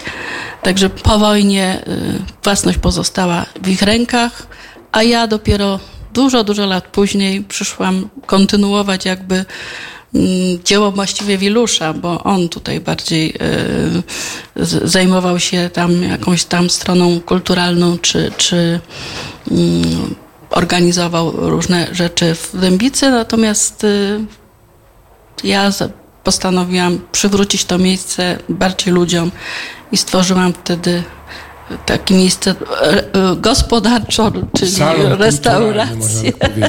Restaurację, hotel, e, miejsce do, do wystawiania, plen, wystawiania Wernisaży. Wernisaży, tak. Wystaw, tak. Wystaw, piękne tak. meble dookoła nas, secesyjne, piękne krzesła, jest pianino. Czy to wszystko pani tutaj sprowadziła? Tak. Tak, niestety po wojnie nie zachowało się nic. Było tu przez lata urzędy. E, bardzo wielu dębiczan wspomina, to są też fajne, bo było tu urząd stanu cywilnego i e, wiele pokoleń brało tu śluby cywilne na pierwszym piętrze. Także tych wspomnień też mają trochę. E, potem sąd, komornik, bardzo, bardzo różnorodna działalność urzędowa. Ale czy pani się tutaj wychowała? Dębicy. W tym, tak, ja się tym budynku. Tym. Nie, nie, nie wychowałam się w tym budynku. Ale jak to się stało, że e, właśnie, bo pani przejęła tutaj ten, ten, ten, ten, ten pałac? Nie przejęłam, tylko go wynajęłam. Wynajęła pani od córek, właśnie tak? Tak, od, od pań, które były właścicielkami i które w pewnym momencie no, miały taką możliwość, żeby y, obiekt stał pusty, bała się, bały się, że, że popadnie w ruinę. No i poprosiła mnie o pomoc w znalezieniu kogoś tam. Ja w międzyczasie tam y, zajmowałam się w Krakowie działalnością gastronomiczną, bo miałam tam restaurację i stwierdziłam, że trzeba spróbować też w Dębicy. Zresztą było to moje miasto, jest to moje miasto, tu stąd pochodzą wiele, wiele pokoleń mojej rodziny. To miejsce chyba każdy zna, bo jak e, dzwoniliśmy do mm, różnych e, potencjalnych gości naszego programu, to od razu reagowali e, Willa Wilszówka. Oczywiście wiemy, wiemy gdzie to jest. Po, po, powiedziała Pani nam, że odbywały się tu wernisaże, odbywały się tu koncerty. Czy to zostało zamknięte i, i raz na zawsze? I co to spowodowało? Nie, nie, nie. nie. No, ostatnie lata i pandemia i, i, i rozluźniła jakby więzi i, i możliwości spotykania się ludzi, więc to, to, to raz. Dwa, działalność w tej chwili się ograniczyła właściwie tylko do działalności hotelowej. W związku z tym no, mniej, mniej mamy okazji się spotkać. Może kiedyś, może kiedyś znów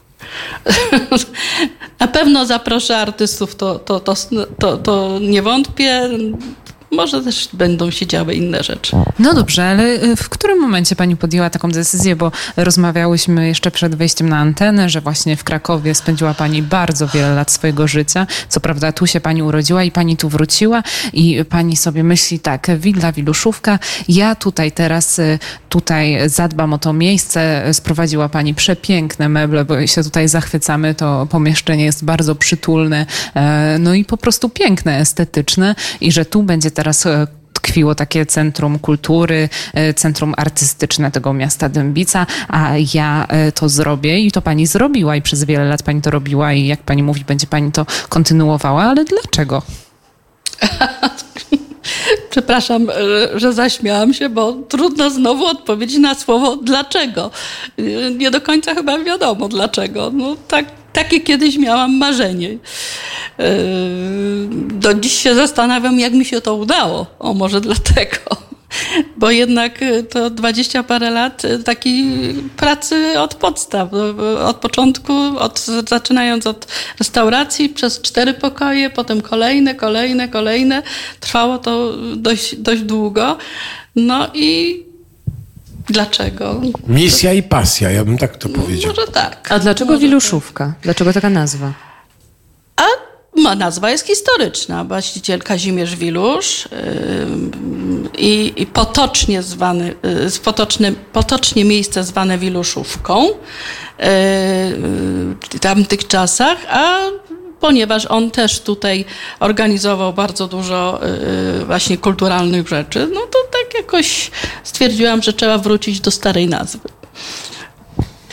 A wyjeżdża pani czasami na wakacje, czy jest tyle pracy, że pani nie może, bo generalnie rzecz biorąc trzeba prowadzić hotel cały czas i tak Kiedyś dalej? wyjeżdżałam bardzo dużo, to znaczy co najmniej raz w roku i to dość, dość daleko, dlatego że moją pasją w pewnym momencie przy prowadzeniu restauracji stało się wino. Gdzie najdalej pani była? Najdalej? Nowa Zelandia? U, ty tam. Tu, tu, tutaj widać też te y, punkty y, właśnie związane z pani pasją, ponieważ jest piękny barek. Tutaj, tutaj, tutaj bardziej w prawo proszę zerknąć, pokazuję. Y, i, I w środku też zawartość. Czy można się po audycji coś tam, z- jakaś degustacja? Zapraszam serdecznie. I, i, a, jeśli, a jeśli chodzi jeszcze o tej pasji, to jeździła pani dokąd, żeby próbować, jak smakuje ten Tak, trunek poza, poza Polską? tak, no i tak, gdzie tak, najsmaczniejszy? tak, Czy to tak. prawda, że w Gruzji? Y, tam mnie nie było. Y, Nowe, nowozelandzkie wina też są znakomite. Nowozelandzkie wina są znakomite, a, a nigdy nie, powiem, które jest najlepsze, bo tak nie można. Y, Poznawanie wina polega na tym, że trzeba próbować. Więc y, każdy kraj ma swoją specyfikę, tak zwane terroir. I, i, I odkrywanie tego terroir w smaku wina jest chyba najważniejsze. Czy będzie się mm, lubiło wino typu Syrah, y, mówimy o szczepie y, z, z Australii, czy, czy y, biały y, Sauvignon Blanc z Nowej Zelandii, który jest niepowtarzalny. Tak, Sauvignon Blanc z Nowej Zelandii to potwierdzą. No. A, jeszcze i w Europie mamy też całe mnóstwo świetnych rzeczy. Nawet w Polsce w My się, chwili. my się bardzo cieszymy. Oczywiście nie tylko z tego powodu, że... Podkarpacie, Podkarpacie teraz zaczyna słynąć z wina. Musicie Państwo tu przyjechać na podkarpackie szlaki winne. Jasło, Krosno, Gorlice. Kto wie, kto wie, jakie następne No. trasy pociągu do lata. E, My się bardzo cieszymy, bo tutaj spędzamy noc. E, Są szachy rozłożone, także zamierzamy grać. E, Zamierzamy może też czytać. Jest książek nie brakuje. A może i pogramy pianino nastrojone? Tak. Ale czy grał nad nim właśnie e, gość Krzysztof A Penderecki? pan Krzysztof nie grywał na, na, na pianinie. W ogóle? Ani nie, razu? To znaczy przynajmniej tutaj. Ja nie widziałam, żeby on y, grywał, bo on jednak komponował u siebie. Także nie, nie. nie, no ale- ale... grywali inni. Y, może nie tak sławni, ale Chopina równie nie dobrze. było tu? Ja, jaki to był człowiek? artysta. Y, Artysta zajęty cały czas tworzeniem, y, wracający z podróży i już myślący o następnej podróży. Do Dębicy y, wracał, wrócił, wrócił już i wracał y, w takim już późniejszym wieku. Y, Tak to wiecznie go nie było, gdzieś tam po całym świecie krążył. Tutaj osiedlił się w Lusławicach pod, pod tar, a tak chyba mieszkali w Krakowie. I, i tutaj po prostu przyjeżdżał, no pochodząc z Dębicy, tu cała rodzina jest pochowana na cmentarzu parafialnym, także odwiedzali, y, odwiedzali co roku tutaj, y, wpadając tutaj Ja chciałem się zapytać, czy była, był tutaj, bo pani mówi, że cały czas pracował, więc jak tutaj bywał i to nie, niejednokrotnie, to była taka sytuacja może, że tutaj na tym stole na przykład nagle wyciągnął pióro i partyturkę tutaj sieknął jakąś ciekawą? Co najmniej na serwetce coś narysował. Mnie to się wydaje, że Konrad bardzo chciałby mieć na koncie taką historię, że był, siedział przy tym stole, co Krzysztof Penderecki, albo na tym krześle, tak? Bardzo chcesz, tak? Możecie na pani zaprowadzić coś do No to pani siedzi przy tym stole, ja jestem oddalony. Nie, ja nie, nie czuję takiej też gdzieś wybitnej potrzeby też tym opowiadać. Bardzo się cieszę, że mogłam usłyszeć od pani. Pani go poznała. Em, opowiada pani o tym, że był cały czas skupiony na tym, żeby tworzyć, na tym, żeby wyjeżdżać. A na, Ciężko- koniec, a na koniec ostatnie lata bardzo zainteresował się historią swojej rodziny, ponieważ ja tu mamy zdjęcia jego dziadka, który był jednym z założycieli y, y, Banku Spółdzielczego y, w Dębicy. y, Także y, no, ba, bardzo go tutaj to wszystko znów interesowało. No, ni- niestety śmierć przerwała y, dalsze, dalsze y, losy. Nie mamy y, kompozycji dzisiaj, y, żadnej z żadnych kompozycji Krzysztofa Pendereckiego, e, ale posłuchamy innego utworu, troszkę innego, może niech będzie to James Brown, E, a dziękujemy pani Renacie Nagawieckiej za rozmowę, która jest właścicielką e, tej pięknej willi e, Wiluszówka w Dębicy. Państwa tutaj oczywiście zapraszamy. Są jeszcze jakieś wolne pokoje? Od czasu do czasu. No to trzeba się w ten moment wstrzelić. A teraz Dokładnie. James Zapraszam. Brown.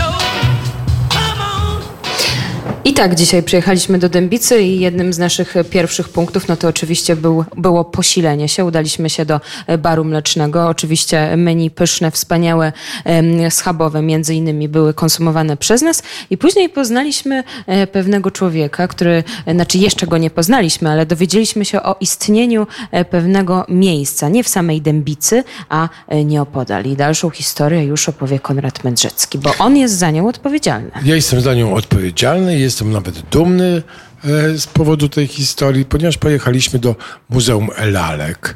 E, tak można to tak w skrócie powiedzieć, ale także do gospody pod Wiedźmą, bo to takie połączone miejsce e, i to miejscowość Pilzno, proszę Państwa. I nie jesteśmy bynajmniej w Czechach, tylko jesteśmy tutaj pod Dębicą. Pilzno Dębickie, tak byśmy to nazwali, znajduje się mniej więcej 11 kilometrów od Dębicy i tam znajduje się gospoda pod Wiedźmą i tam znajduje się pierwsze muzeum dla lalek. Ale też jest tam niesłychane, niesłychana historia, ponieważ tam przechodzimy po takiej pięknej e, przestrzeni, gdzie się idzie śladami Reymonta, chłopów Reymonta i przechodzi się przez całe miasteczko. Ale też ym, bądźmy y, tutaj sprawiedliwi w całej tej historii i nie powinniśmy wspomnieć o rzeczy najważniejszej, jak my się tam dostaliśmy. Samochodem się dostaliśmy, proszę pana. Pan właściciel y, miejsca, bo to nie jest takie znów oczywiste, y, miejsca Muzeum Lalek oraz tej restauracji, która nazywa się trochę inaczej, ponieważ... Gospoda u Wiedźmy, nie pod Wiedźmą. Tak, ale mm, nie wiem, nie wiem co tam, o czym sobie my, myślałeś. W każdym razie pierogi podają pyszne. E, I pan specjalnie do Dębicy, e, pan Włodzimierz, specjalnie do Dębicy przyjechał. Mąż y, rzeczonej, może nie właśnie Wiedźmy, może Wiedźma jest, bo pani była bardzo sympatyczna, ale mąż pani z gospody u Wiedźmy. Tak, która właśnie te pierogi w pięciu smagach nam e, zaserwowała, podała i, i były pyszne. E, Przyjechał po nas do Dębicy i zabrał nas właśnie do tego muzeum i po tym miejscu nas bardzo skrupulatnie, opowiadając wspaniałą historię, oprowadził, a rozmawiał z nim głównie Konrad Mędrzecki. Właśnie, posłuchajmy. Dzień dobry. Dzień dobry. Przyjechaliśmy e, mniej więcej 10 kilometrów od Dębicy i gdzie się aktualnie znajdujemy? No, znajdujemy się w wioseczce, która nazywa się Lipiny i w której to wioseczce znajduje się filia Muzeum Lalek z Pilzna i na tym terenie, na którym w tej chwili jesteśmy, są w zasadzie dwa takie obszary, które można oglądać. Jeden z nich to bajkowy ogród, gdzie wokół zamku rozłożona jest wioska krasnoludków i każda ze scen, która tam e, jest ustawiona, no, ma jakiś taki smrodek wańko, dydaktyczny wańkowiczowski, jakieś taką pouczającą puentę. E, obok z kolei, gdy wyjdziemy z tego bajkowego ogrodu, y, przenosimy się w czasy rejmontowskie, bo tam jest miniatura wsi inspirowana chłopami Reymonta w skali mniej więcej 1 do 4, z tym, że nie jest to kopia architektury czy w ogóle mm, urbanistyki z, tamtego, z tamtych czasów, tylko inspiracja. W związku z tym nie ma tam jednolitego stylu, y, jeżeli chodzi o budowlę, a w ramach tych budowli, w ramach tej ścieżki, którą się spaceruje, mamy pokazane domy, w których tamty, w tamtych czasach mieszkali ludzie. Mamy staw, który rozdzielał dom Boryny i Jagusi. Mamy młyn, który normalnie pracuje, kościół, do którego wchodzimy, synagogę, w której modlą się Żydzi i tabor cygański. Czy możemy tam ruszyć? Oczywiście, że tak, możemy tam ruszyć. No i uwaga, uwaga, y, wchodzimy już, weszliśmy w bramę, y, jesteśmy y, w wiosce czarodziejskiej y, i podchodzimy do pierwszego domku. Proszę nam opowiedzieć. A czy rano panu zdarza się y, to, taka sytuacja, że jednej skarpetki nie może pan znaleźć? Y, bardzo często. No, to już teraz pan wie, gdzie ich szukać. To jest właśnie cała przyczyna brakujących skarpetek, ale to tylko to wynika z tego, że nie utrzymuje się porządku wieczorem, bo gdyby się tak złożyło je razem, to krasnoludki nie miałyby pola do popisu. One się zakradają, widząc rozrzucone skarpetki i przynoszą je tutaj, piorą, sprzedają, po prostu z czegoś muszą żyć. No ja rozumiem, a one po, po, po całej Polsce podróżują? Proszę pana, no jesteśmy w bajkowym, zaczarowanym ogrodzie, wszystko tu jest możliwe. Czyli widzimy tutaj domek e, z, kra- z krzatów skarpetkowców, można by ich tak, Tak, tak, jest to jak najbardziej trafne określenie, no bo skoro zajmują się skarpetkami, no to inaczej bym ich nie nazwał. To żegnamy e, skarpetkowców i przechodzimy do drugiego domku e, bajkowego. Tutaj się dzieją różne rzeczy, już jakaś tam dama leży tutaj. Wow. E, No, ale jeżeli policzyć e, postacie, ile ich jest i kto to jest, to wyjdzie, że jest to siedem krasnoludków. A I ta tam całująca się, a tam całująca się para to nikt inny, tylko, królew, e, tylko królewna Śnieżka. I królewicz, który przyjechał. A ona już taka obudzona. No proszę pana, trudno się dziwić, jak taki przystojniak do niej się przymierza. Na kolanach. No, no, jak prawdziwy dżentelmen, a w tamtych czasach ponoć byli jeszcze bardziej szarmanccy wobec dam. Także to jest tutaj właśnie ta ilustracja e, bajki o Królewnie Śnieżce. E, I morał z tego tutaj, jaki wyciągam najczęściej, gdy oprowadzam, to kazuje wszystkim e, pamiętać, żeby nie wstawać z rana tak na równe nogi, dopóki ktoś kogoś nie pocałuje. Tak jak tutaj właśnie ten królewicz całuje królewnę. No to- Dobry, Dzień się dobrze zaczyna wtedy. Tak jest. Pan stosuje? Proszę pana, tak stosuję, ale coraz rzadziej.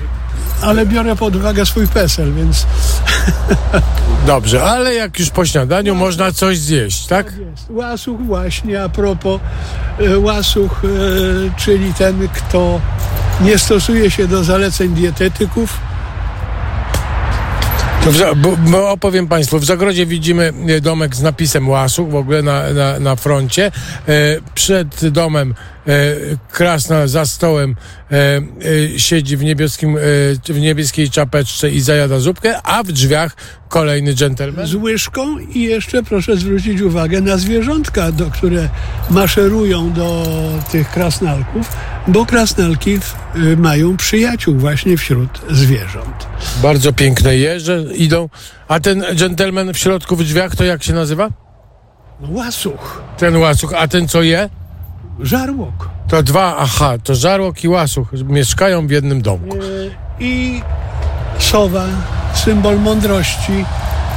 W związku z tym, że bają, Jesteśmy przy kolejnym żółtym domku tym razem. Tak, e, i tutaj jest po prostu coś w rodzaju takiego punktu porad. Wszyscy mamy problemy i jeżeli się nie daje rady samemu, szuka się pomocy u innych. Więc krasnalki sobie zorganizowały takich mędrców, dom oznakowały sową, która siedzi na tym pieńku tutaj, tak żeby każdy, kto jest strapiony i szuka pomocy, wiedział, gdzie trafić. No i siedzący w, w drzwiach krasnal ma wielką księgę, w razie czego szuka. Nie, nie, proszę pana, on prowadzi księgowość. On zapisuje, kto przyszedł, no bo jednak rozliczyć się trzeba. A jednak. No, No w bajkowym nawet świecie okazuje się, proszę Państwa, niestety Ministerstwo Finansów I podatki działa. są nieuniknione. Wśród krasnalków również. Ojej, to tak, to, co, co to minister finansów tutaj w tym czarnym, e, e, w czarnym stroju i... Bo wbrew pozorom się okazuje, że wśród krasnali są krasnale dranie. Nie, I tu jest, no tak, no proszę bardzo. niemożliwe, nie. Proszę zobaczyć, prowadzą jednego kandydata, No widzę. jeden już siedzi zamknięty, Ale on siedzi... na W... rozrabiał. Co zrobił? Proszę pana, coś złego, nie będę tutaj gorszył tych i nie będę podpowiadał, co można zrobić, żeby się dostać D- żeby się dostać do więzienia szklanego, bo to jest szklane Nie, nie, to jest więzienie. Eksponowanie drania, żeby wszyscy widzieli, że to nie są przelewki, że się nie obiecuje, tylko się realizuje nieuniknioność kary. Dobrze, przechodzimy do następnego domu. Trzech, trzech cie, ciemnych typów krasnalskich prowadzi kolejnego krasnala złoczyńcy. Policjanci Policjanci. Przepraszamy. tutaj malują chałupkę, tu jest mniej interesująco, natomiast tutaj śmieszek.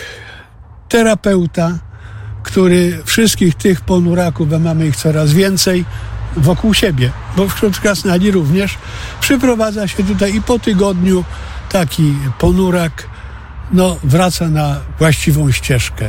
Już nie chodzi skwaszony, obrażony, tylko patrzy na świat nieco pogodniejszym wzrokiem. A ile kosztuje tydzień e, takiego powrotu do rekonwalescencja, do zdrowia, że tak powiem, do radości? A wie pan, ja nie wiem, dlatego że ja tylko oprowadzam. Ja nikomu w portfel nie zaglądam. To już jest stawka między leczonym i tym, który udziela porad. Nie wiem, Ale je- jest zapotrzebowanie duże pewnie. proszę pana, no wystarczy popatrzeć dookoła, jakie miny mają krasnale. O ludziach nie wspomnę. No tak właśnie, no to jest zapotrzebowanie gigantyczne. Przechodzimy dalej, okrążamy zamek z lewej strony i dochodzimy do zamku.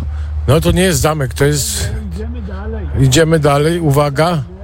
Jest diabeł. Boruta, który zapisuje, na, cy, wypisuje cyrografy, spisuje cyrografy z tymi, którzy chcą być wiecznie piękni, zdrowi i bogaci, no ale w zamian za to muszą sprzedać duszę. I on tam ma takie poskładane te cyrografy. Tutaj powinno być takie bażancie, pióro, oje, nie, nie, nie widzę go, wiatr musiał je zdmuchnąć. W każdym razie dzieciom to tylko tak napominam, że, że coś takiego tutaj jest. I grzyby y, y, czerwone muchomorki wokół. Sklep. Żyć czymś trzeba. Wiadomo, że wśród krasnali są zaradni, mniej zaradni, zdrowi, chorzy. Trzeba sobie w jakiś sposób pomagać. Więc tutaj jest taka jadłodzielnia, gdzie krasnalki, które mają nadmiar czegoś, pomagają innym. I tutaj przychodzą ci, którym, który, którzy potrzebują tej pomocy. I dostawa grzybów widzę tam świeżych. Tak, tam, jak powiedziałem, zorganizowane wszystko jest tak jak wśród ludzi. Szpital, lekarze, zwierzęta również tam się mogą leczyć. Tu z kolei weterynarze, bo wiadomo, że skażenie środowiska, chemia powoduje, że zwierzęta chorują, więc krasnalki, jako że znają się na ziołach, y, tutaj Czyli żadnej chemii. Żadnej chemii, żadnej chemii, bo to szkodzi tym naszym braciom mniejszym. Jaś i Małgosia w głębi, czarownica, domek z piernika i z kolei najsłynniejsza bajkowa babcia świata. No w tej chwili akurat się przewróciła, ale po tych wiatrach nie zdążyliśmy jej podnieść. W każdym razie ona nie leży w łóżku jak to w bajce, ale to tylko i wyłącznie z tego powodu, że to jest babcia nowoczesna, zaszczepiona na covid i na grypę. Stąd może na kapturka czekać. Może czekać, a czeka leżąc. Teraz u, chwilowo. Właśnie jest podnoszona, na duchu też. I my też jesteśmy podniesieni na duchu. Już się uśmiecha. Zadowolona babcia. I tutaj mamy z kolejny, kolejny domek, e, zakład fryzjerski. Tutaj przychodzą się czesać elegantki. Czyli jak widać są tutaj wszystkie te punkty, które są potrzebne każdemu żywemu organizmowi. Po drodze jest wilk, jako że idziemy ścieżką czerwonego kapturka. Cześć wilku. A nawet sympatyczny wilk.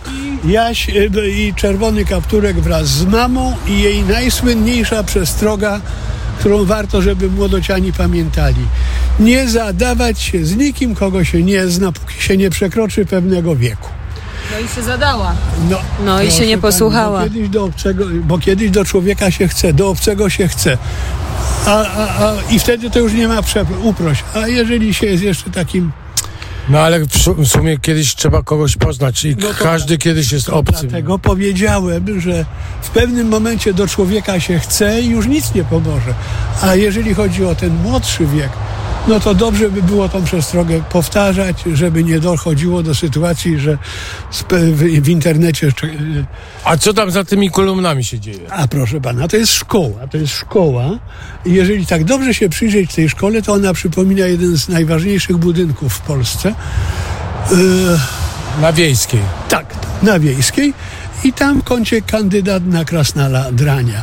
Rozrabiał, postawili go w kącie i Czy oni też będą mieli teraz wybory w październiku? y, nie wiem jeszcze, ale myślę, że tak.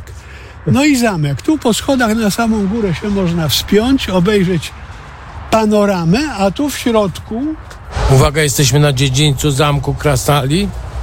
y, na który, no mówię, tam można na samą górę wejść. To wejdziemy I później. tam za płotkiem jest y, postać czarownicy, a tutaj cały śpiący dwór. To jest zamek śpiącej królewny. Piękny zamek Śpiącej Królewny. E, No szkoda, że państwo tego nie widzą.